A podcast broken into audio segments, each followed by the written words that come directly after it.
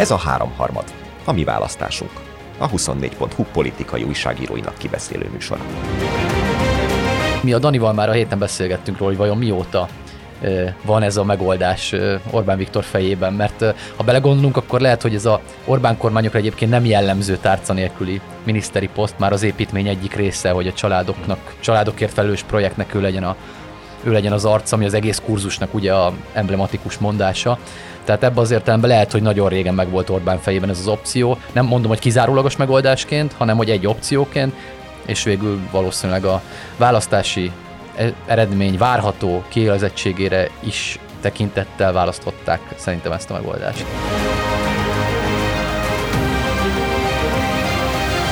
Itt a Dániel Pető Péter és Nagy József ma a háromharmadban. Hatalmas iccet hagyunk ki, hogy nem boldog Karácsony Gergelyről beszélünk itt az ünnep vagy ünnepnek az előestén, de hát Orbán Viktor mindig át, átírja a számításainkat, és a mai témánk az Novák Katalin. Milyen okból lenne boldog Karácsony Gergely? Hát mert boldog karácsonyt, és akkor...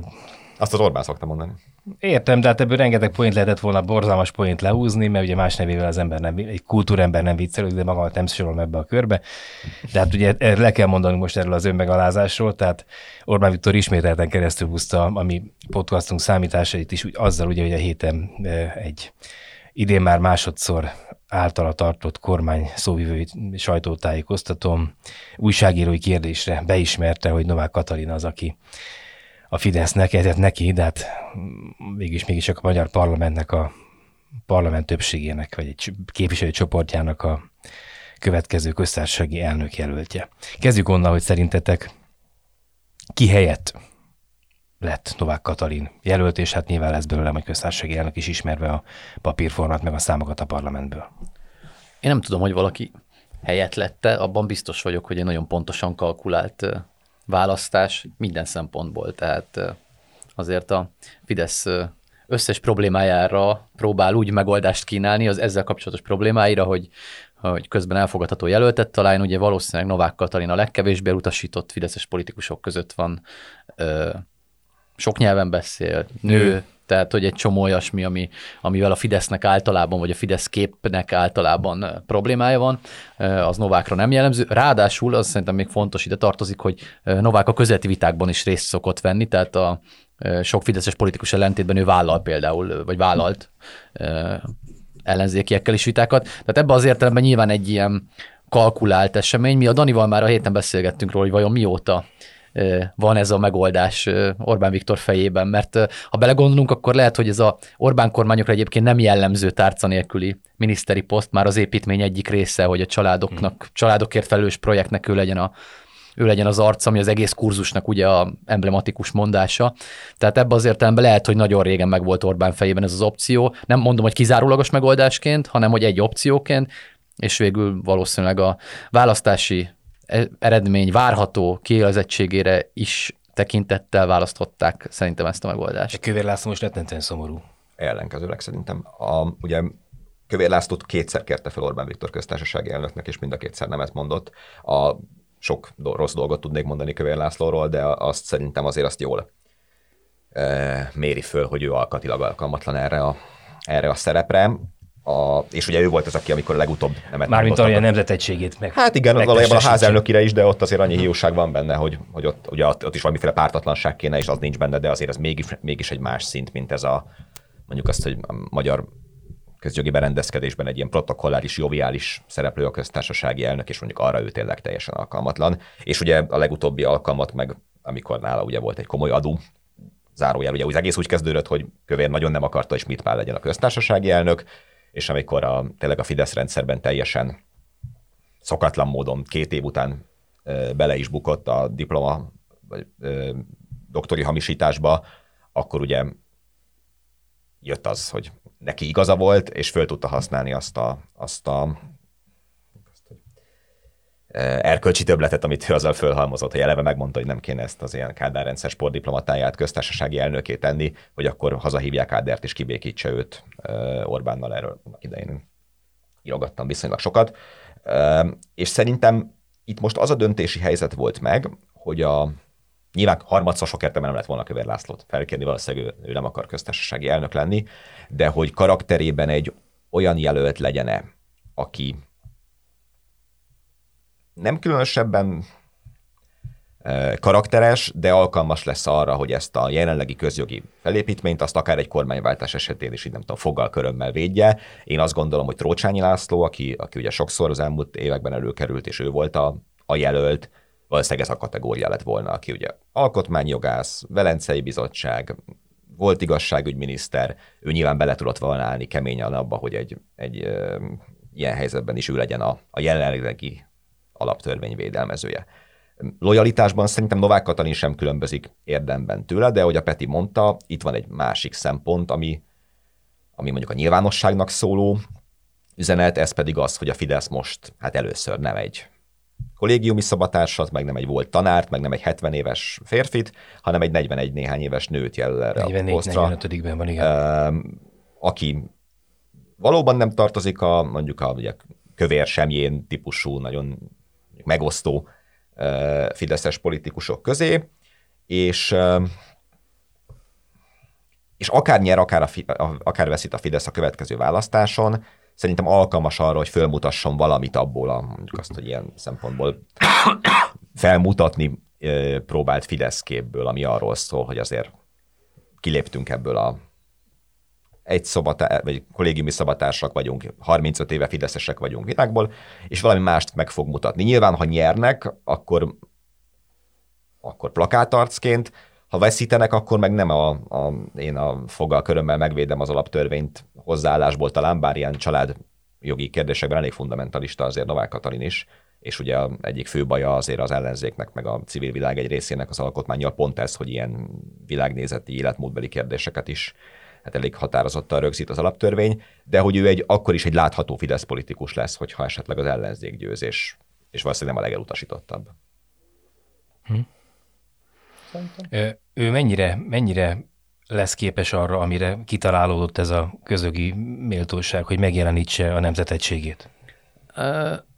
Én nem tudom, hogy hogy erre valóban egyébként képes volt-e bárki. Ugye nagyon szokás a Fideszen kívüli világban Gönc Árpádot egy ilyen ikonként emlegetni. De picit mádül, picit sólyom azért bennük már csak a... Vagy, egyre kevésbé voltak ők, akiket most felsoroltunk alkalmasak, és érdekes a Gönc pályaképe is, aki ugye egy SZDSZ-es politikus volt, és elején nem volt alkalmas, de azért ne felejtsük el neki, hogy 90% fölötti népszerűségi indexei voltak, és még Mádlnak is 80 fölötti. Aztán Solyomnak 50 környéki, mert ő már egy politizáló elnök volt. Ugye Gönc is az volt az első ciklusában, de aztán a Horn kormány alatt nem, és akkor kialakult ez a szerepfelfogás. Hogy... Igen, ezt akarom mondani, hogy ezt akartam pont mondani, mint a Dani, Dani utalt, hogy azért ott időszakisan, ugye hogy egy irtózatos SDSMDF törés volt az első években, tehát valójában az idő valószínűleg szépít azokon a, azokon a percepciókon, amik, amik kapcsolódnak ezekhez az elnökökhöz, mert abban a pillanatban nem gondolta szerintem a megválasztása pillanatában a, legalább a, a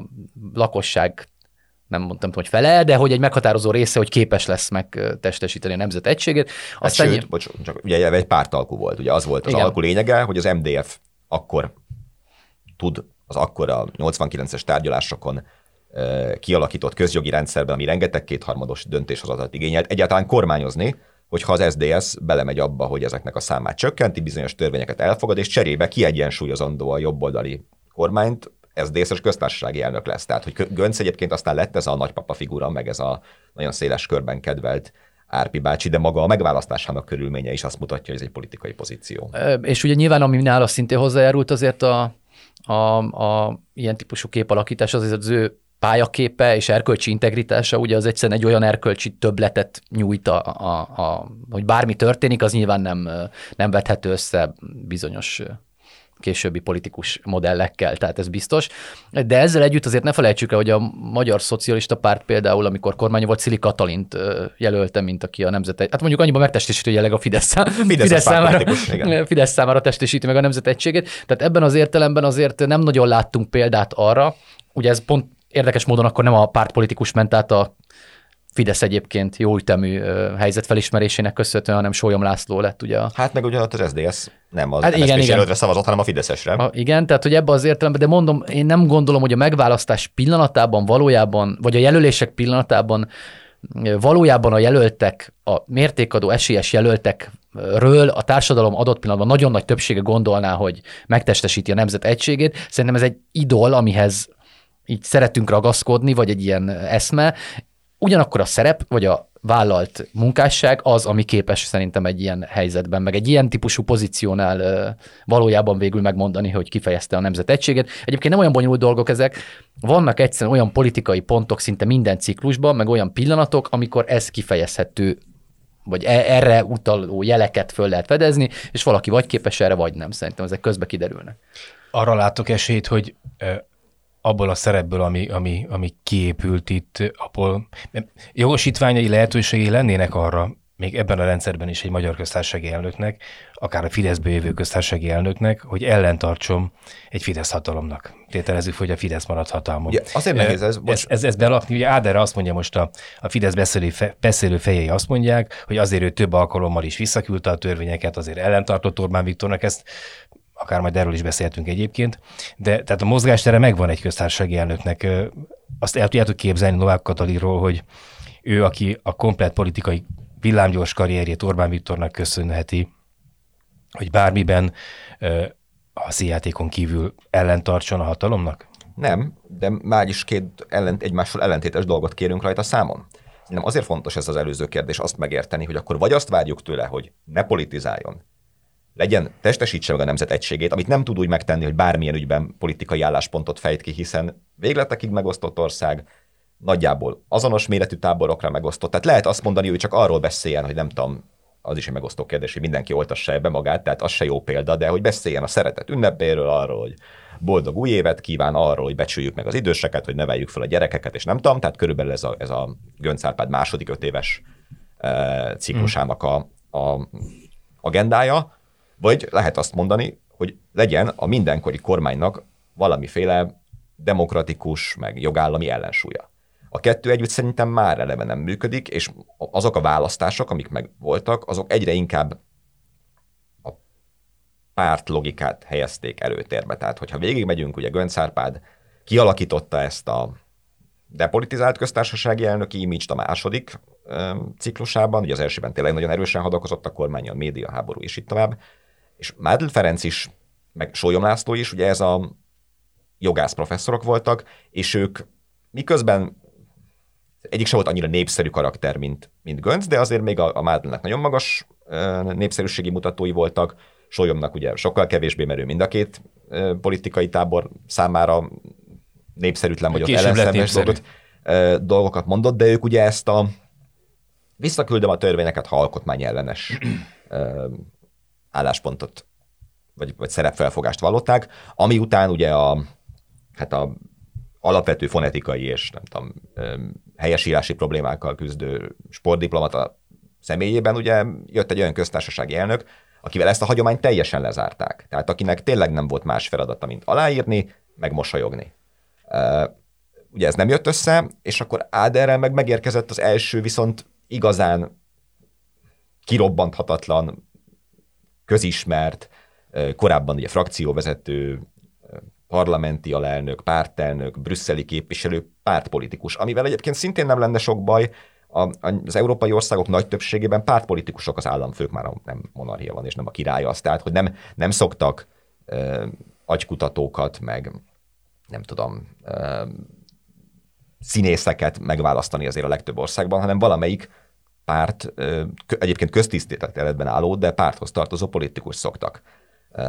És Áder meg ugye fölvette ezt a szerepet, amiben meghatározott saját témákat, ugye ez a környezetvédelem, nem tudom, fenntarthatóság, ilyesmi, ezeket próbálta tolni, de, de nem amit mondasz, hogy visszaküldött törvényeket, azok ilyen nagyon ilyen körjegyzői típusú, tehát amikor nagyon, nagyon nyilvánvaló formális jogi hibái voltak egy törvénynek, azokat küldte vissza, de hát azokat, hogy mondjam, kijavította, vagy kijavítatta, nem, nem érdemi ellensúly volt szerintem ő semmilyen szempontból, inkább tényleg ezt a formális jogi kontrollt. De akkor abban abba szabad És ezt lehet, hogy Novák Katalin is megtenné, de ez, ez valójában lényegtelen. Uh-huh. Tehát, hogy politikai ellensúlya szerintem az föl nem merül, hogy egy Fidesz kormánynak legyen.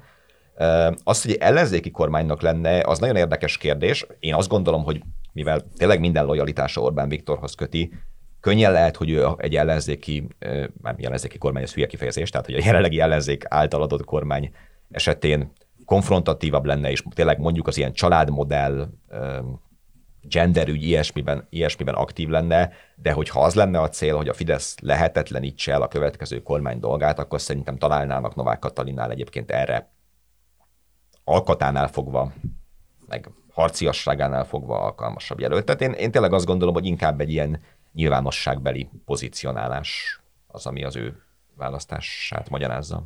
Hmm, pár dolog itt közben eszembe jutott. Az egyik a solyon példa szerintem azért érdekes, mert ha ezt a, a nemzet egységének megtestesítését úgy, úgy értjük, hogy egy autonóm, szabad ember, aki a saját erkölcsi és szakmai integritásának köszönhetően került oda abba a pozícióba, amit Solyom Lászlóról azt nem vitatott el senki, egy megkérdőjelezhetetlen erkölcsi és szakmai ö, tekintély.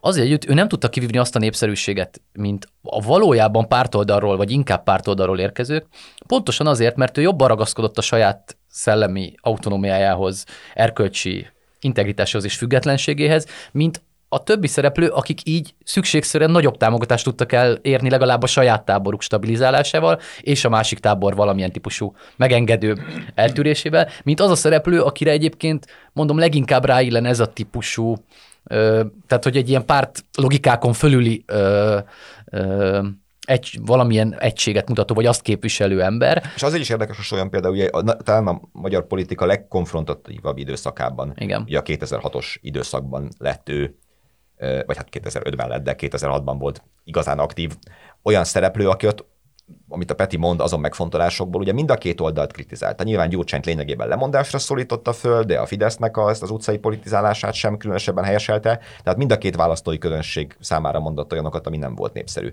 És ebből a szempontból a 2022 lehet egy hasonló helyzet. És a másik, amikor az volt a kérdés végül is eredetileg, hogy, hogy Novák Katalin lehet-e ellensúly, vagy a szerepéről mit tudni, arra én inkább azt mondom, hogy nem tudom, mert hogy szerintem olyan mértékben befolyásolja a választási eredmény valójában az ő pálya lehetőségeit, meg szerep lehetőségeit, uh-huh. hogy az jelenleg fölfoghatatlan. Ha kétharmaddal nyer a Fidesz, akkor aztán tényleg Schmidt-Páli magasságok következhetnek ebben az ügyben, tehát tényleg annyi maradt, hogy a győzedelmes Orbán Viktor mellett protokolláris feladatokat ellátni. A nő. Az anya. És egyébként igen, a nemzet család modelljében a női szerepet fölmutatni. Amennyiben a verességet szenved a Fidesz, amire most azért jóval kevesebb jel utal, mint akár néhány hónappal korábban, pláne ha esetleg nem nagyon szűk vereséget, akkor rettenetesen kinyílik azért a, a Novák Katalini politikusi pálya lehetősége. Tehát az, hogy valaki köztársaságelnök volt, az nem zárja ki, hogy utána mi lehessen. Tehát, hogy, hogy valójában ő akkor akár lehet a Fidesz új arca lehetséges vezetője, olyasmi, ami eddig nem jutott eszébe senkinek, hogy Novák Katali lehet a Fidesz majdani vezetője mondjuk egy Orbán Viktor uh-huh. utáni korszakban. Ez nagyon messze van nyilván, meg ezek nagyon hogy mondjam, a fikcióknak olyan szintjei, amivel most talán kár foglalkozni, csak én azért mondom, hogy, hogy nek, szerintem ebben a, a választási eredmény, a mostani választási eredmény, amely nagyon gyorsan követi ugye az ő, ő, ő, ő hivatalba lépését valószínűleg, az, az alapjaiban határozza meg majd szerintem, hogy ő milyen politikai pályát futhat be, és merre tarthat ez a pályája majd. Jobban járna, hogyha az ellenzék győzne, mert egyébként meg most öt év hibernálás következik, ahol... Hát azért nem tudjuk, mik a céljai, mert amit a Dani mondott, hogy ugyan nem a Fidesz első másod, és talán nem is második generációja, de hát azért neki a komplet pályája viszont Fideszen belüli azért ugyanúgy, mint a bibóistáknak azért nagy rész, tehát hogy, hogy lényegében ő, ő ilyen klasszikus pálya ívet mutathat föl, minden szintjén volt szinte a, a Fidesznek, tehát hogy minden posztot bejárt, látta a kormányt, látta a minisztériumokat, tehát hogy hogy azért az ő Fideszhez kapcsolódását, azt, azt szerintem nehéz, nehéz nem komolyan venni, vagy megkérdőjelezni, ő klasszikus párt politikai pályát fut be, tehát ebben az értelemben azért szerintem illeszkedik ide. Miközben egyébként az apparátuson belül, én most beszéltem valakivel, kimondott a jó híre van. Tehát, hogy értelmes, meghallgatja az érveket, struktúrában képes gondolkodni, tehát nem, nem az a nem akarnék másokat mondani a Fidesz elnökségből, meg az elnökség környékéről, de hogy belül, belülről is elfogadott figura. Igen, a, szerintem nagyon érdekes, hogy kinek milyen pályájának, melyik szakaszában milyen szerep jut. Ma már kevés embernek jut eszébe alig, hanem Szijjártó Péterről a korai ö, évek, vagy pláne Cserpalkovics Andrásról, a Fehérvár nem, nem néztem most számokat, de szerintem szinte ellenzéki szavazók által is támogatott polgármesteréről.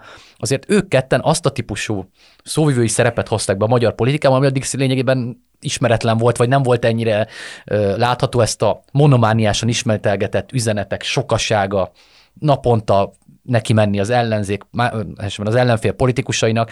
Ehhez képest azt látjuk, hogy mind a kettőkről totálisan lekopott, már emlékképek sincsenek erről a szerepről. Ugye, de nekik végig kellett csinálni azt a pár évet ebben, a, ebben az iskolában, hogy utána a karrierük ide teljesedhessen ki. Nováknak szerintem a belépője is más szerep volt. Tehát ő, ő ugye a család politikán keresztül érkezett, és láthatólag ő pont a kiegyensúlyozó képet kapta, tehát pont a, nem a fideszes konfrontatív szárnyhoz tartozott, hanem éppen a túloldalon állt mindig, a tárgyaló emberek között volt mindig a, ebben az értelemben. Tehát valójában nem tudom ilyenkor, hogy mennyi a, mennyi a választásod a szerephez, és mennyi a szerep a szerencsés szerepet, amit kapsz egy ilyen párban. Hát igen, és viszont ez a, ez a szerep meg szerintem pont, hogy hogy valójában még megosztóbb szereplővé is teszi, mint akikről beszélgettünk, pont a, pont a családpolitika miatt. Tehát ugye egy olyan családpolitikának a megtestesítője, ami mondjuk a klasszikus, hagyományos értékek szerint lehetne egy, egy integráló dolog, de valójában ugye nem ez a helyzet. Tehát, hogy a Fidesz családpolitikája olyan szinten kizáró jellegű, hogy valójában egy olyan ember aki ezt testesíti meg, lesz most a nemzetegységért felelős, még ha mondom, ez szerintem egy abszurd dolog is. Az ő nevéhez kötődik ugye az azonos nemű párok örökbefogadását meg, megtiltó, ellehetetlenítő törvény. Például, például, és ugye az egész fideszes családpolitika, tehát ez a férfi-nő gyerek, ebben nagyon sokan, ez, a társadalom fele nem ebben él már. Vagy azért, mert élettársi kapcsolatban él, és nem házasságban, vagy azért, mert elvált, vagy azért, mert LMBTQ tehát, Érintett. Hogy, igen, valamilyen módon, és hogy ebből a szempontból meg pontosan, azt, pontosan egy olyan értékrendet jelenít meg, amivel nyilván nagyon sokan nem fognak ö, egyezni, és, no, és viszont az ő politikai tudása, meg teljesítménye az voltak éppen csak ez. Ö, és azért ez egy, ez egy nehezítő körülmény szerintem, hogyha az a cél, hogy, hogy a Fidesz táborán valamennyire túlnyúlni vele. Ezt nem tudom, én ebben bizonytalan vagyok, mert hogy szerintem ez pont a, így van, mármint hogy tényszerűen, amit elmondtál, hogy kíváncsi vagyok, hogy valójában ez mennyire határozza meg az emberek gondolkodat, és mennyire van Ja, hát sok... mennyire az emberek azt gondolják, hogy újabb Fideszes aláírógép jön. Ja, de nem Csak olyan értelemben, hogy... hanem hogy ez pont nem illeszkedik el, hogy az Orbánnék mitoszaik közé, vagy a, vagy a magyar társadalom nagy mitosza, vagy nagy története, az nem szerveződik-e valójában ahhoz a képhez közelebb, amit ő megtestesít. Akár egyébként a, a férfinő gyereke. Tehát, hogy nem az a nagy meghatározó többség úgy képzeli, és nem sikerül a világban megvalósítani olyanokból, hogy nem tudom, félrecsúszik az életed, úgy alakul a párkapcsolatod, más lesz a nem identitásod, de hogy alapvetően szerintem a mitosza ennek nem olyan kizáró valójában, mint amennyire hajlamosak vagyunk olykor feltételezni, vagy legalábbis én biztosan. Tehát, hogy ebbe az értelemben szerintem lehet, hogy sokkal kisebb kisebbség az, amely, amely valójában teljesen, teljesen ki van ettől a képtől, és sokkal többen vannak a valóságban persze, akik nem élnek ennek megfelelően, de magát az ehhez kapcsolódó mitoszt azt szerintem támogatják sokan, de mondom, ez csak teljes feltételezés. Én, én is úgy gondolom, mert tehát, hogy valójában nyilván mögött meg ugye persze álszentséget, meg ilyesmit lehet sokszor feltételezni, tehát hogy a Fidesz azért azzal régóta küzd, hogy az ő maga sem felel meg a saját ö, család eszményének, és nem csak Szájer József, hanem az ötször házasodó, ö, meg ilyesmi. De persze a kép az fontos ilyen szempontból, tehát nyilván, és nem csak a családmodell, hanem az egész családtámogatás, a fiatalok eszia elengedése, tehát hogy most nem, nem csak a, a házasság örökbefogadás témának az arca a Novák Katalin, hanem az egész családtámogatási rendszernek is, ami nyilván egy túl, a Fideszen messze túlnyúló kedvezményezetti kör. Igen, de ugyanakkor meg pontosan kiszámítottan kinyúlik belőle, mikor olyan típus, mint most volt ez a Rákai Filip, persze. Igen, hát Rákai az... Filip ügy, amikor azonnal kiszól persze a mm, vitából. Meg mondom, szerintem a, a, e, e, ebben én mondom, én más ponton vagyok, mert azt gondolom, hogy nem tudunk a, ez a Fideszféle álszentség vagy, vagy kettősség, ez egy nagyon érdekes dilemma szerintem, mert azt tudható, és mindenki számára tudott, hogy senki nem tud konzisztensen, teljesen konzisztensen élni a saját választott eszméivel. Tehát lesz olyan, amikor nem úgy viselkedik, van olyan, amikor nem úgy tud élni, van olyan, amikor, amikor egyszerűen elszakadnak a valóságától ezek az eszmék, ugye, de, de ez határozza meg ugye a, a, a politikai gondolkodást, afelé hajt. De nem azt jelenti, hogy meg is tudja valósítani minden esetben. Szájjel is lemondott, mi, de ez ott pont, is külön, különbek vagyunk, mondják a Fideszben. Bajer Zsoltot sajnos az utóbbi években, vagy évtizedben valószínűleg ritkán idéztem pozitív kontextusba, de ott pont őt néztem egy műsorba, és pont ezt a részét egyébként ezt érdekesen magyarázta el, hogy, vagy ezt érdekesen beszélte erről, hogy azt mondta, hogy igen, a Szájer ilyen Igen, ez, ez, ez, ez, az, ez az ő, de végig ő jót akart, volt. mert ő azt tartotta jónak, ahogy mások éltek, csak ő nem tudott úgy élni, vagy na, amiről a Fidesz beszélt, azt tartotta, hogy mondjam, a nemzet számára felemelőnek, azt tartotta ideálisnak. Mi, az mi ő- legalább tudjuk, hogy kell élni. Igen, hogy ő tudta, csak nem, csak nem volt, inkonzisztens volt az életével, de attól azt tartja totta helyesnek, amit ö, a nagy, nagy képet nézve, tehát az ország sorsát nézve, azt tartott helyesnek, amit a Fidesz gondolt. Tehát ebben az értelemben ez egy érdekes ilyen,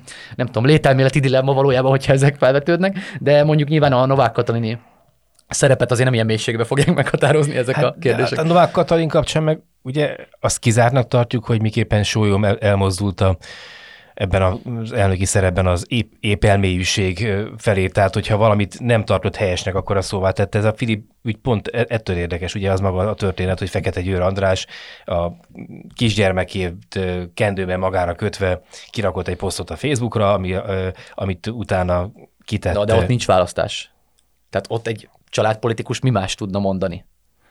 Hát Tehát a ott, család- ott, egy, tehát ott szerintem nem Meg azért... hát az már a helyezkedés. igen, Nyilván meg a másik, azért meg már tudtuk, tehát Két napja Oké. azért már valószínűleg tudta, hogy ő lesz a köztársasági elnök előtt. E- Ez lenne a következő kérdésem, hogy vajon akkor is ezt mondta volna, akkor is elítélte volna-e Filipnek ezt a, az otromba megjegyzését a Facebookon, amivel kvázi lebuzizta Fekete Győr Andrást, az ifjú apukát, hogyha amúgy nem tudta volna, hogy két nap múlva Orbán Viktor be fogja jelenteni, hogy ő lesz a következő Én ezer százalékig biztos vagyok benne, vagy legalábbis nem biztos, lehet, hogy elfelejtette volna, de hogy nem a gondolataiban ugyanezek lettek volna biztosak. Hát nézzük meg a Fűrjes Balázs Budapesttel kapcsolatos megnyilatkozásait, vagy az olyan típusú ügyeket, amikor a budapesti értelmiségnek nagyon, nagyon éles mm, ilyen dilemmái kerülnek elő, mint a Demeter Szilárd mond valamit, vagy nem tudom, akkor mindig érkezik egy fűrjes reakció. Egyszerűen azért, mert itt vannak azért egyéni lehetőségek. Tehát a, nyilván könnyebb elképzelni a Fideszt úgy, mint hogy mind a 100 X képviselőnek ugyanazt kell mondania, és minden, pont attól működik, hogy apróságokban nyilván, meg mikrotörténetekben, meg nagyon meghatározott keretek között azért megvan a játékterük, amennyiben a politikai célokat szolgálja. Nyilván a Fűrjes Balázs budapesti győzelméhez a ö, budai kerületben szükséges, hogy olyan szavazókat is elérjen, akik egyébként semmilyen Zsolt számára, vagy nem tudom, most mondhatnánk más kemény vonalas Fideszest, elérhetetlenek. Ahhoz, hogy Novák Katalin meg tudja testesíteni a családpolitikát egy személyben, vagy meg tudja mutatni, ahhoz nyilvánvalóan nem vállalhat fel olyan mondatokat, mint amit Rákai Filip fölvállal, vagy olyan gondolatokat. Tehát, hogy És nyilvánvalóan ezek- nem határolódna, meg nem határolódhatna el tőle, hogyha egyébként nem lenne a pártközpont véleménye szerint is ordas nagy baromság, amit a Filip Persze. ebben az ügyben csinált, és mivel Filipnek a Facebook oldalára néhány 10 millió forintot azért beleölnek időnként, elég nehéz ezeket ugye ellensúlyozni, meg jóvá tenni, mert közben ugye a megafon pénzéből, meg ezek Nyilván ez egy ugye három óra után leszedett poszt volt, de hát addigra már annyira körbe ment, hogy itt ez nyilván egy korrekció. Tehát, hogy azt azért mai nem tudom, 2021-es politikában azt azért ne gondoljuk, hogy bárkinek a Facebook posztjai azok kizárólagosan az ő véleményét tükrözik, legyen az akár Novák Katalin is. Tehát, hogy Hát a Filipé szerintem pont az a ő Filipé, vélemény- az az volt. Hát Hát valószínűleg ő- az se csak az övét, hanem ott nyilván ott is van egy stáb, de most a politikusokról beszélek. Tehát az, hogy akár hogy egy Filiptől, aki hát pedig azért nem egy nem a Parnassuson van mondjuk még a Fidesz mitológiájában sem, tőle elhatárolódni is egy Fideszesnek ma már azért az nem gondolom, hogy pillanatnyi megérzés kérdése lenne, hanem itt nyilván azt látták, hogy nagyon félrement, egy, egy ostoba poszt, könnyen lehet, hogy többet ártott a Fidesznek egyébként tényleg, mint nem tudom, a Pegazus ügyben a legutóbbi három cikk, mert uh-huh. hát több, több ismerősöm rakott ki, de mondjuk nem több, hanem százszor annyi ismerősöm rakott ki ilyen gyerekhordozóval ö, készített képet, mint ahányan mondjuk a Áder János megfigyeléséről szóló Pegazus cikket olvasták. Tehát ez, ez nyilván, még ha buborék szinten is, de ez valamennyire beütött, hogy ezek már annyira betegek, hogy már, már azzal se tudnak mit kezdeni, hogyha valaki apaként foglalkozik a saját fiával, és ezek, ezeknek a korrigálása az nyilván politikai érdeke is a Fidesznek. Akkor lehet, hogy tényleg ez az ellenzék előtt álló legnagyobb lehetőség, hogy várni kell, hogy a Filipek időnként este tízkor három pohár bor után kiposztoljanak ja- valami rettenetes baromságot. Most nagyjából ezt látni. Hát és bocs, csak egy dolog, ugye Nem gondolom egyébként, hogy ma már bárki pohárborok után posztolgathatna ilyen magasságban. Tehát ennél azért profibnak képzeljük el a... igen, szerintem is ez egy rossz De ez egy, ez egy, ez egy pro, profi poszt volt? Te azt gondolod? Da- Dani, De nem, ezt ne így képzeljük el a működését. Tehát az, hogy az a megafonnál tudatosabban, meg következetesebben menedzselt és fölépített politikai kampányeszközt azért az utóbbi időszakban én nem nagyon tudok mondani. Láthatjuk a számokat, meg a beleölt összegeket is, hogy ha nagyon haszontalanok ítélnek, nem ilyen összegek mennének bele, tehát ott valószínűleg hasznosságot Csak is. a Deák Dánielnél 120 milliónál tart most a számláló, hogyha minden igaz. Azt És nem tudom igen, fejből, igen, de... igen, 100 millió fölött, és a Filipnél is 10 milliók fölött, tehát az nyilván egy tudatos poszt volt, csak téves, tehát politikailag hibás. És ugye ennek az egyetlen célja van az egész Megafonnak, meg Filipnek, meg Deák Dánielnek, meg a többi ilyen erre kitenyésztett ilyen influencernek, hogy a Fidesz népszerűségét növeljék. Tehát, hogyha egy poszt ez erre nem alkalmas, akkor az, az egy hiba. Jó, akkor ezt várjuk már el, mert ez, ez egy ilyen érdekes zátonya a beszélgetésünknek, vagy nem tudom micsodája, hogy akkor ez a poszt, ez hogy került ki? De, de, de, de lényegtelen, Összeültek hárman, vagy de öten? nem, tudni, de nem tudom, ő tudom, majd felhívjuk fel a Rákai Filipet egyszer, akkor el fogja mondani valószínűleg. Nincs ekkora jelentősége. Kikerült, politikai hiba lett, pont. Tök mindegy, hogy került ki. De meg, ha hát, megnézed, mondjuk most van éppen egy, egy megafonos imásfilm, hát körülbelül százan ülnek ott az asztalnál, tehát nyilván kvázi szerkesztőségként működik a megafon, tehát nyilván nem gondolom, hogy Filip ott ül és a gyertyalángnál, nem tudom, kitalálja, hogy miket kéne most írni. Nyilván van erre egy csapat egyébként ott is, mint ahogy tehát, hogy az újságban is igen, van igen, hiba, igen, tehát, igen. Hogy, és akkor valahogy helyre kell igazítani, meg meg kell vinni a bírósan. Tehát ez, szerintem ebben semmi nincs az égvilágon. Ezek, csak hogy itt ugye nem olvasói érdek, meg nem igazságérdek volt, hanem politikai érdek. És ezért nem maradhatott érintetlen az a poszt. És azért akarok Mert csak elromlott. pillanatra visszacsatolni, hogy szerintem, tehát értem, amit mondasz, a, hogy sokan szeret, so, sokan gondolják ideálisnak a Fidesz család modelljét, abból a közönségből is, amelyik viszont nem a szerint él, de ugye pont ez a Filipposzt mutat jól rá arra, hogy a, a Fidesz család modelljét szerintem egyébként helyesen nagyon sokan ezzel azonosítják.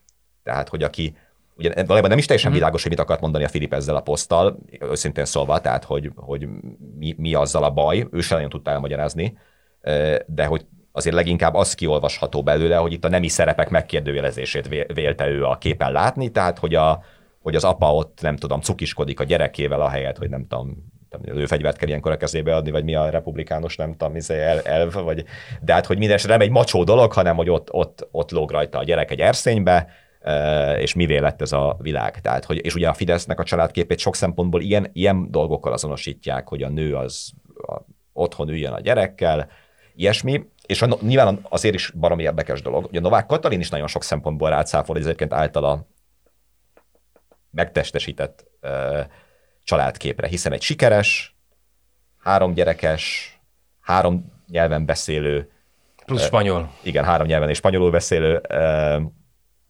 nő, akinek férjéről, Veresúról semmit nem tudunk.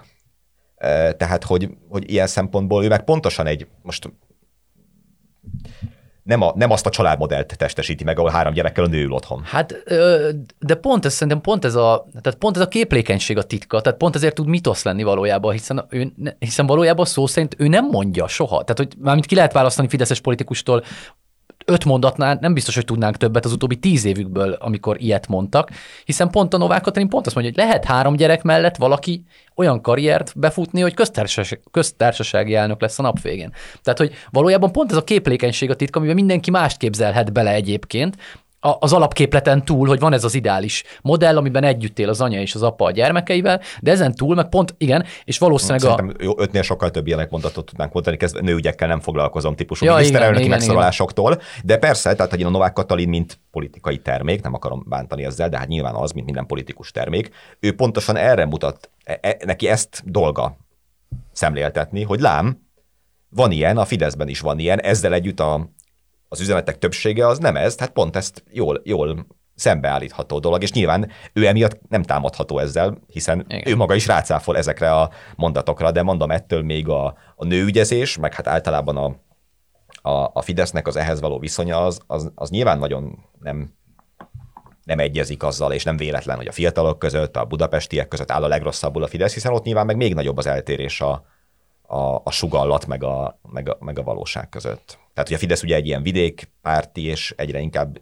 idős, vagy hát ilyen középkorú és idős emberek pártja lett, és ott nyilván nagyobb ennek a családmodellnek is a népszerűsége, nem csak a családmodell dönt nyilván arról, meg a családkép, hogy ki hova szavaz, de hogy azért a Fidesz nem, hogy elvesztette a generációs jellegét, hanem lassan megnyerni látszik a generációs jellegét, csak úgy, hogy 40 fölött egyeduralkodó és Egyébként a, a, szerintem a Fidesz történetbe egyébként tényleg nagyon jó illeszkedik. Tehát, hogy, hogy nem, hogy nem, tehát tényleg meghatározó része. Tehát a narratívaiknak tényleg, a, tehát ami a pozitív narratívája ennek a nagy Fidesz történetnek, annak az a család a központja, és a családhoz kapcsolódó összes mitoszunknak az érvényesítése. Nyilván van egy, nem tudom, hogy negatívnak mondjam-e, vagy nem tudom, tehát a, a, a, ezek a bevándorlás, a többi, amiket lehet sorolni, ami valamilyen háborús, ilyen védekező retorikában van mindig eladva, de ez a része azt lényegében szerintem központilag határozza meg a, a család, mint mint gondolat. Persze, de hogy ugye ott is lássuk azt, hogy ez valamelyest egy korrekció. Tehát a Fidesz egy 30, nem tudom, 3-34 éve létező politikai közösség, ahol soha semmilyen pozíciót nem töltött be nő. Ugye Dávid Ibolya volt az első Orbán kormányban a női miniszter, ő egy másik pártnak volt az elnöke, és gyakorlatilag most a Varga Judit és a Novák Katalin az első két olyan szereplő, akiket egyébként valamennyire szerintem autonóm politikai szereplőnek lehet tekinteni. Nyilván mind a kettő végtelenül lojális Orbánhoz és, és hozzá elsősorban, tehát neki köszönhetően lett az, aki, de hogy mégiscsak másik generáció és egy másik kicsit másik, nem tudom, szocializáció is. Tehát, hogy ők azt mutatják meg, hogy ma már a Fideszben ez is van. Ugye az egy, van még ugye ez a kvóta nő dolog, tehát hogy a Fidesz elnökség egyik tagjának nőnek kell lenni, de hogy nem láttuk azt, hogy onnan még előre lehet lépni, sőt, ugye általában azt láttuk, hogy te tényleg, tényleg Selmeci Gabriella volt szerintem még 2010 után is az egyetlen fideszes politikus nő, akit meg tudsz nevezni, ugye a kormányban ott volt Persze, elég, elég, igen, igen, hát, na hát ugye aztán végképp, aki, hát hogy még, még karikatúrának is, is ö, hogy mondjam, nevetséges, és érted, volt német Lászlóné, de hát ő a Simicska kvótáján volt benne, a női kvótán a, a kormányba, és hogy ehhez képest a Fidesz az elmúlt négy-öt évben eljutott oda, hogy ha ezt a néppárti jellegét fönn akarja tartani, akkor bizony nem fog az működni, hogy kizárólag 57 és 77 év közötti meg, hát mi, mi, mi, meg, meg, meg, milyen nők, ugye hát most említettük Pelszné Gálidikot, vagy Gálné Pelcildikot, ezeket, ezeket mindig összekeverem, vagy Selmeci Gabrielát, egyik sem volt ö, saját jogon ö, önálló entitás ö, ebben a, ebben a Fideszben. És ez a két nő, akit most említettünk, Varga Judit és Novák Katalin pedig önmagukban is megállnak a lábukon láthatóan. Ezt nem tudom, hogy ezt érvényesíthető mondás-e, mert akkor nevezzünk meg olyan fideszes férfi politikusokat, akik Orbán Viktor nélkül önálló entitások voltak. Ez nem létező fogalom szerintem a, a tízes évek nem után. Navracsics Tibor. Navracsics Tibor, aki, aki eljátszotta mindig az elegáns kívülállót, majd utána egy szóra hívta vissza, amikor Orbán Viktor éppen azt gondolt, hogy most képviselőjelöltnek kell lenni, akkor rohan vissza. Okay, tehát, akkor, akkor nem, most nem, nem, nem, nem, nem akartam elvinni az, az intellektus felé, tehát akiről el tudod képzelni azt, hogy van egy saját gondolata, aki valamit gondol ja, a világról. Én, én aki... nem tudok elképzelni róluk, tehát akkor, akkor én is rosszul fogalmaztam. Mármint a, a Novák Katalin, meg a Varga sem. Önálló imidzsel rendelkező politikusok, akikbe befektettek, tehát hogy nem véletlenül Varga Judit a legtöbbet Facebookozó magyar ember, vagy ilyesmi, tehát ők, akik az a dolguk, már nyilván nem személyesen teszi ezt, hanem a legaktívabb a Facebookon, tehát hogy a Fidesz, mint párt belátta azt, hogy nekik valamit kezdeniük kell azzal, hogy nem, nem fog örökké működni az, hogy egy 25 fős férfi társaság, mert vala ennyire azért változik a társadalom. És hogyha meg akarják ezt a családmodellt, meg, meg a valamennyire nyitni máshova, akkor kell olyan egyébként elfogadható, vagy valamennyire népszerű embereket találni, nőket, akik, és nem csak nőket egyébként, mert, mert nyilván a férfiaknál se lenne az baj, hogyha valamiféle önálló arcélel rendelkeznének, csak ott sokkal nagyobb a merítés de hogy itt nem, nem arról van szó, hogy ők bármilyen önálló politikai agendát vinnének, vagy ők bármit politikailag önállóan gondolnának. Az valószínűleg tényleg Lázár János volt az elmúlt 11 néhány év Fideszében az egyetlen, aki ezzel kísérletezett, mezei országgyűlési képviselő is lett belőle, és nem is nagyon látszik, hogy ennél a következő ciklusban sokkal többre átsingózhatna. Tehát én, én most Novák Katalina meg Varga kapcsolatban azt mondom, hogy az a Fideszben volt meg az a belátás, hogy kell médiaképes embereket, médiaképes nőket politikai pozícióba eh, rakni, de nem, nem gondolnám, hogy ők bármilyen szinten önállóan jelennének meg Orbán Viktor akaratával szembe, vagy ilyesmi. Csak egy mondat a Lázárról, hogy én azt azért nyitva hagynám, hogy a, amennyiben megveri a Márkizajt, akkor a vidékfejlesztés nem kerülne el hozzá esetleg a következő ciklusba. Ha viszont kikap, akkor meg nem, hogy a, akkor tényleg a politikai senki földjére távozik. Ez, ez, ez engem nagyon érdekes ez a csatatér egyébként, de ez csak a zárójel bezárva. Ami a fontosabb része, de meg, hát, ott azért a... a vidékfejlesztés azok után, hogy volt a kormány második embere, tehát hogy még az is Hát egy... igen, de... De létező, létező személyiség a, a magyar politikában, hogy, hogy Selmeci Gabriela nem volt létező személyiség, én valamennyire létező személyiségként éltem meg Varújitnak a fellépését is, és benne van ez a lehetőség szerintem, vagy talán nem kérdés legalább, legalábbis kérdés szintjén felvetődik, hogy a Novák Katalinban benne van ez a lehetőség, hogy ellázárosodjon, tehát önmag, önmagában is értelmezhető politikusává hát váljon a, a magyar. Én, én ugyanoda megyek ki, azért ez nagyon összefügg Orbán Viktor aktuális helyzetével, akaratával és politikai pozícióval. Lázár János akkor volt legink a legerősebb talán, amikor Orbán Viktor Európával harcolt veszettül. Tehát egyszerűen Lázár János koordinálta az ország meghatározó területeit egyszerre, mert egyszerűen a főnöknek több dolga volt máshol. Tehát, hogy amikor Orbán Viktor erősebb. És milyen bonyolult az élet, hogy emiatt Lázár Jánosra haragudott meg Orbán Viktor, és e, nem saját magára, hanem Igen. is mondta le azt a következtetést, hogy azt a, azt a példátlan hatalmat, ami 14 és 18 között Lázár kezébe volt, azt ketté osztotta, majdnem Dekára is, és megkapta Gulyás Gergely és Rogán Antal, tehát hogy... hogy... Abszolút, tehát hogy azért mondom, hogy, hogy ez egy speciális helyzet volt, csak még egy gondolatra visszatérve, hogy azért amikor a Fidesz és most teljesen, hogy mondjam, értékmentesen leíró jelleggel mondom, hogy sok kritika szokta érni, hogy az ellenzék a bezzeg, nem tudom, hogy az ellenzékkel sokat foglalkozunk rossz értelemben, és bezeg a Fidesz, de hát könyörgöm, bármi szóba került, ez mind politikai innováció. Tehát ha és amennyiben a Fidesz azt ismerte föl, hogy föl kell építeni azokat a meghatározó női politikusokat, amelyek, bocsánat, akik képesek föntartani a versenyképességüket, mert változik a társadalom, megtették. Olyannyira megtették, hogy aki Novák Katalint láttam, most nem emlékszem az ellenzéki képviselő, akivel vitatkozott, jól lenne előkeresni, hát az, az, az sima kettes volt, amennyiben a, valaki az ellenzék oldalán ö, volt hazai pályán, akkor annak kettes, ha a Fidesz oldalán, akkor meg sima egyes. Tehát, hogy, hogy egyszerűen ö, fölényben volt.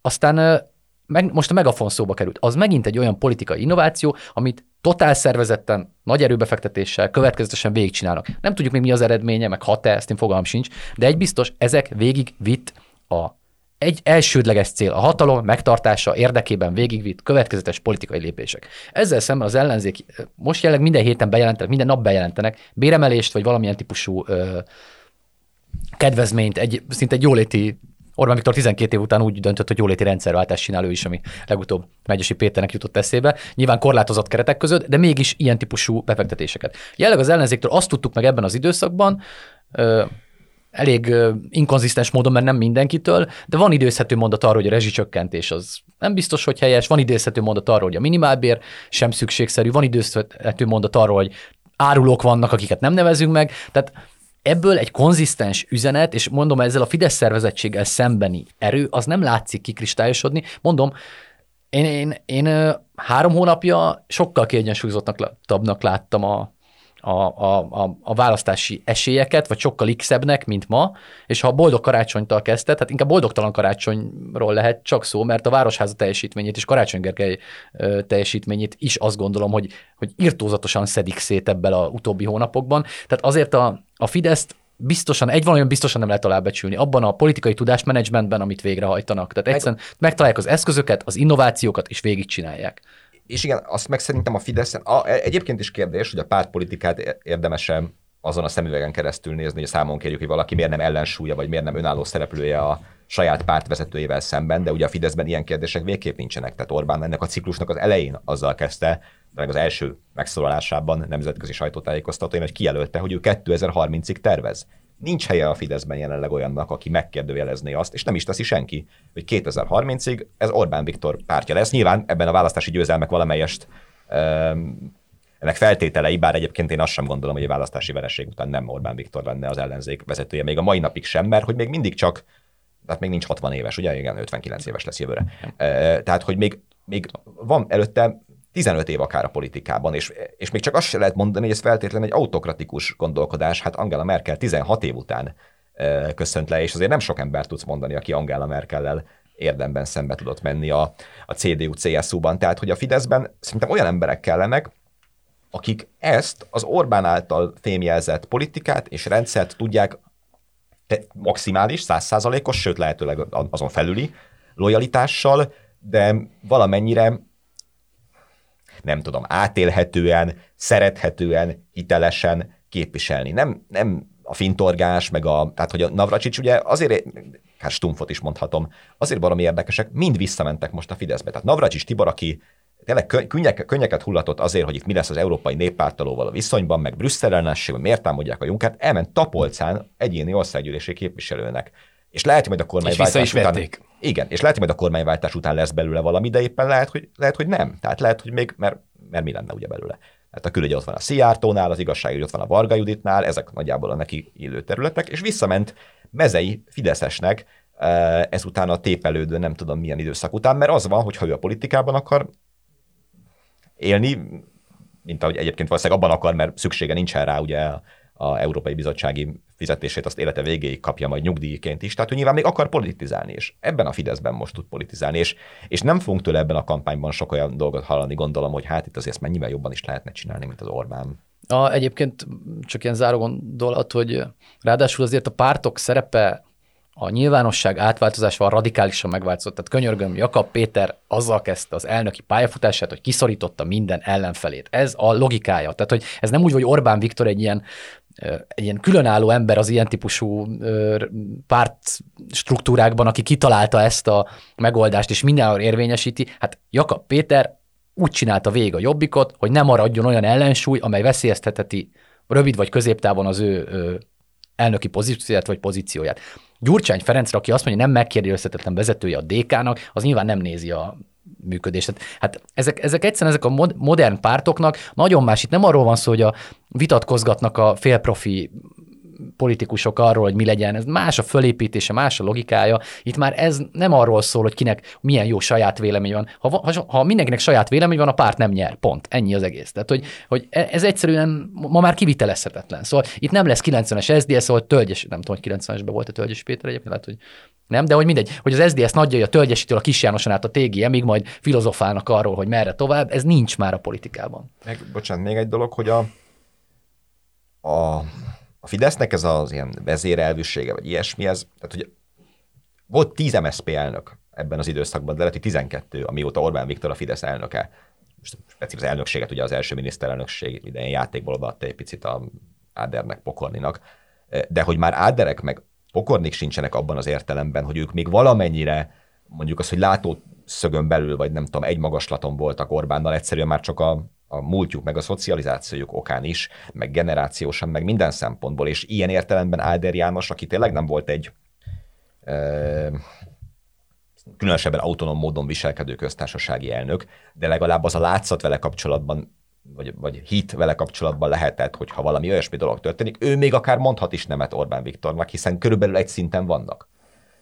Azért én ezt Novák Katalina kapcsolatban én, én nem gondolom. Tehát, hogy ő, ő ennek a 2010 utáni kormányzásnak a terméke, abból Nyugat-Európában leginkább kiállítható terméke, tehát van neki francia becsületrendje, ő tárgyalt az Európai Néppártból való kiválással, tehát van nemzetközi politikai rutinja, egy szerintem még nyugati mércével is vállalható tudású pártpolitikus, de nem emlegethető úgy, mint aki Orbán Viktor bármilyen módon el, ellensúlyozhatná, vagy ellens, ellensúlyozni akar. Egyébként pláne akkor, ha valaki végignézte a sajtótájékoztatót, hogy abból hogyan bomlott ki az egész Orbáni világkép, tehát a válaszaiból azért nagyon összetett, írtózatosan a fejébe van az a történet, ami nyilván sok nekem aztán szélsőségesen sok vitában bele, de azt elvitatni, hogy ennek ma nem látom a versenyképes társát, aki hasonlóan integráns világképet képes egyébként minden válaszra kivetítve bemutatni. Az ellenzék részéről lesz valaki, akit szerintetek felemelnek, ugye mert ha van 50 fő a parlamentben, a, a, akkor,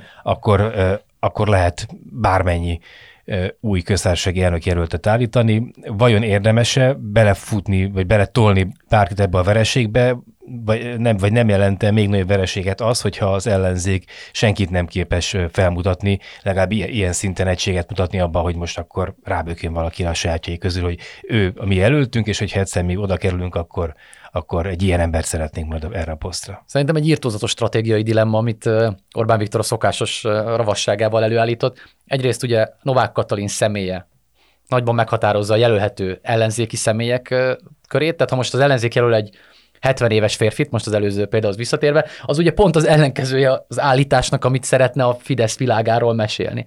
De most tud-e hasonlóan egy olyan hasonló jelöltet választani, amely vagy aki, másodszor, amely ezek jelölteknél, nem tudom mi, a, mi van ma. Tárgyasítod őket. Nem, belém maradt a, belém, belém maradt a termék, és ott tartok. Szóval aki, aki, mindenki, aki elvállalja a vereséget, viszont elégségesen komoly karakter ahhoz, és jellem, hogy a vereséggel együtt is úgy tűnjön, mintha érdemi alternatív, tehát egy másik világot, egy másik Magyarországot képes lenne megtestesíteni. Ez szerintem nagyon erős stratégiai kihívás, hogy egy, mert ha meg nem megfelelő jelöltel, tehát ha egy nem valódi alternatívát kínáló, ez mondom, súlyában, alkatában, karakterében, erkölcsi integritásában, ez egy nagyon szakmai teljesítményében, pályájában, akkor meg ugye ott van megint a kérdés, hogy akkor, akkor mi, mi az a másik, amit ők kínálnak a fidesz És fogadja el ezt az embert a Jobbiktól a DK-ig, az Ez meg összes másik. párt, és fogadja el a Jobbikos szavazótól a DK szavazóig az összes szavazó. Hát igen, most hosszú hosszabbítás lesz, nem tudom, Hát mert- túljátszunk a 45 perccel. és Jövő, a- jövő héten leszünk egyébként? Nem leszünk nem leszünk. Hát akkor ez, most, ez most a két, het, két, het, most, be, most mondom be. A hat, két hat, heti hat perces hosszabbítást mutatott fel a játékvezető a 45-re. Szóval, hogy ugye egyszerre szerintem egy könnyebb helyzet, mert ugye lehet ne olyan embert is jelölni, akivel kapcsolatban voltak éppen nem elvárás, hogy jó köztársasági elnök legyen, egyáltalán, hogy köztársasági elnök legyen, hiszen nyilvánvalóan nem fogják megválasztani, hiszen nyilvánvalóan a Fidesz kétharmad Novák Katalint fogja választani. Tehát lehet önmagában egy ö, olyan embert a kirakatba állítani, akinek nem kell aztán elnökösködnie, egyszerűen csak a szimpátiáját akarja ő maga ki- kifejezni ezzel, és fölmutatni valamit egy másik Magyarországról, és akkor itt be tudnám... öt, év, öt év múlvára fölmutatni valakit. Egyébként az is érdekes kérdés, hogy még egy záróját nyissunk, én jól emlékszem, akkor Mádl Ferenc 95-ben a polgári oldalnak a köztársasági elnök jelöltje volt Gönc Árpáddal szemben, és de, de tehát választ, a választólapra föl, szavazólapra fölkerülő jelöltje, és 2000-ben lett köztársasági elnök. Tehát nyilván ezt is lehetne, de öt éves táblatos gondolkodás szerintem az ellenzéken fölösleges számon kérni. Tehát, hogy ugye lehetne az, hogy most szélsőséges példákat mondok, csak amiket az ilyen DK-s Facebook csoportokban az ember. Tehát, hogy Alföldi Roberttől Karikó Katalinig lehetne mondani olyanokat, akiket az ellenzék földobhat, hogy legyen köztársasági elnök, hiszen nyilván úgy sem lesz. És akkor meg lehetne mutatni rajtuk azt, hogy mi miben különbözünk a Fidesztől.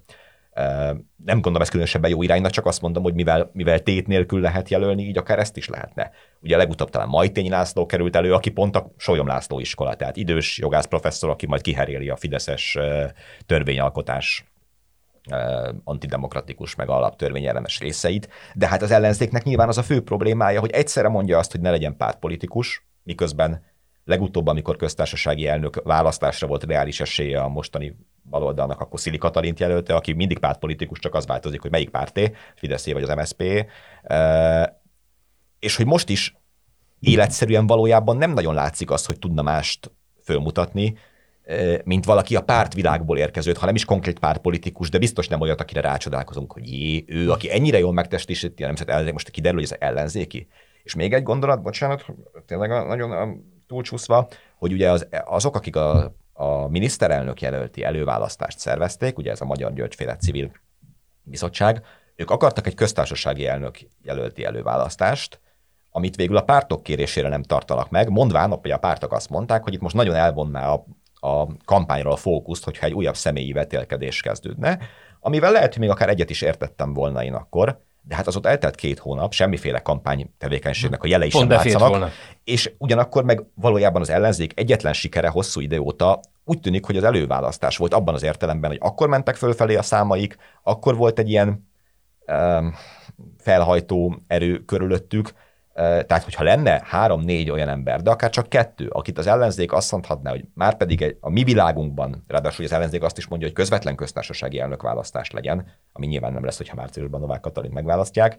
Szóval, hogy, hogy az emberek elé kiállítható, értelmes vagy, vagy komolyan vehető alternatíva, akkor én egyáltalán nem gondolom, hogy akár még egy előválasztásszerű kiválasztás is baj lenne. Az meg, hogy, hogy ne is próbáljanak senkit Novák Katalinnal riválisként felállítani, azt szerintem egy nagyon komoly személyis, szegénységi bizonyítvány lenne, mert hiszen egy újabb példája lenne annak, hogy nem csak a, hát azzal nem tudnak versenyezni, hogy még több nyugdíjat, meg még alacsonyabb személyi jövedelemadót, meg még több ö, kamatstoppot ígérnek.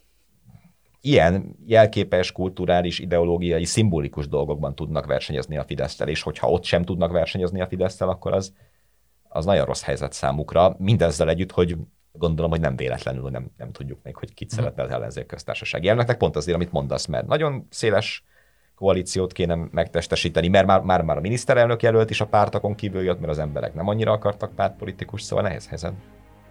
És itt a pillanat, amikor a 8 perces hosszabbítás lejárt, és a bíró a sípjába fúj, és amivel kezdte, abban kéri magát itt búcsúzol, és azt mondja, hogy boldog karácsonyt. Orbánt idézted a végére. Ki más? Ez a háromharmad, a mi választásunk. A 24.hu politikai újságíróinak kibeszélő műsora.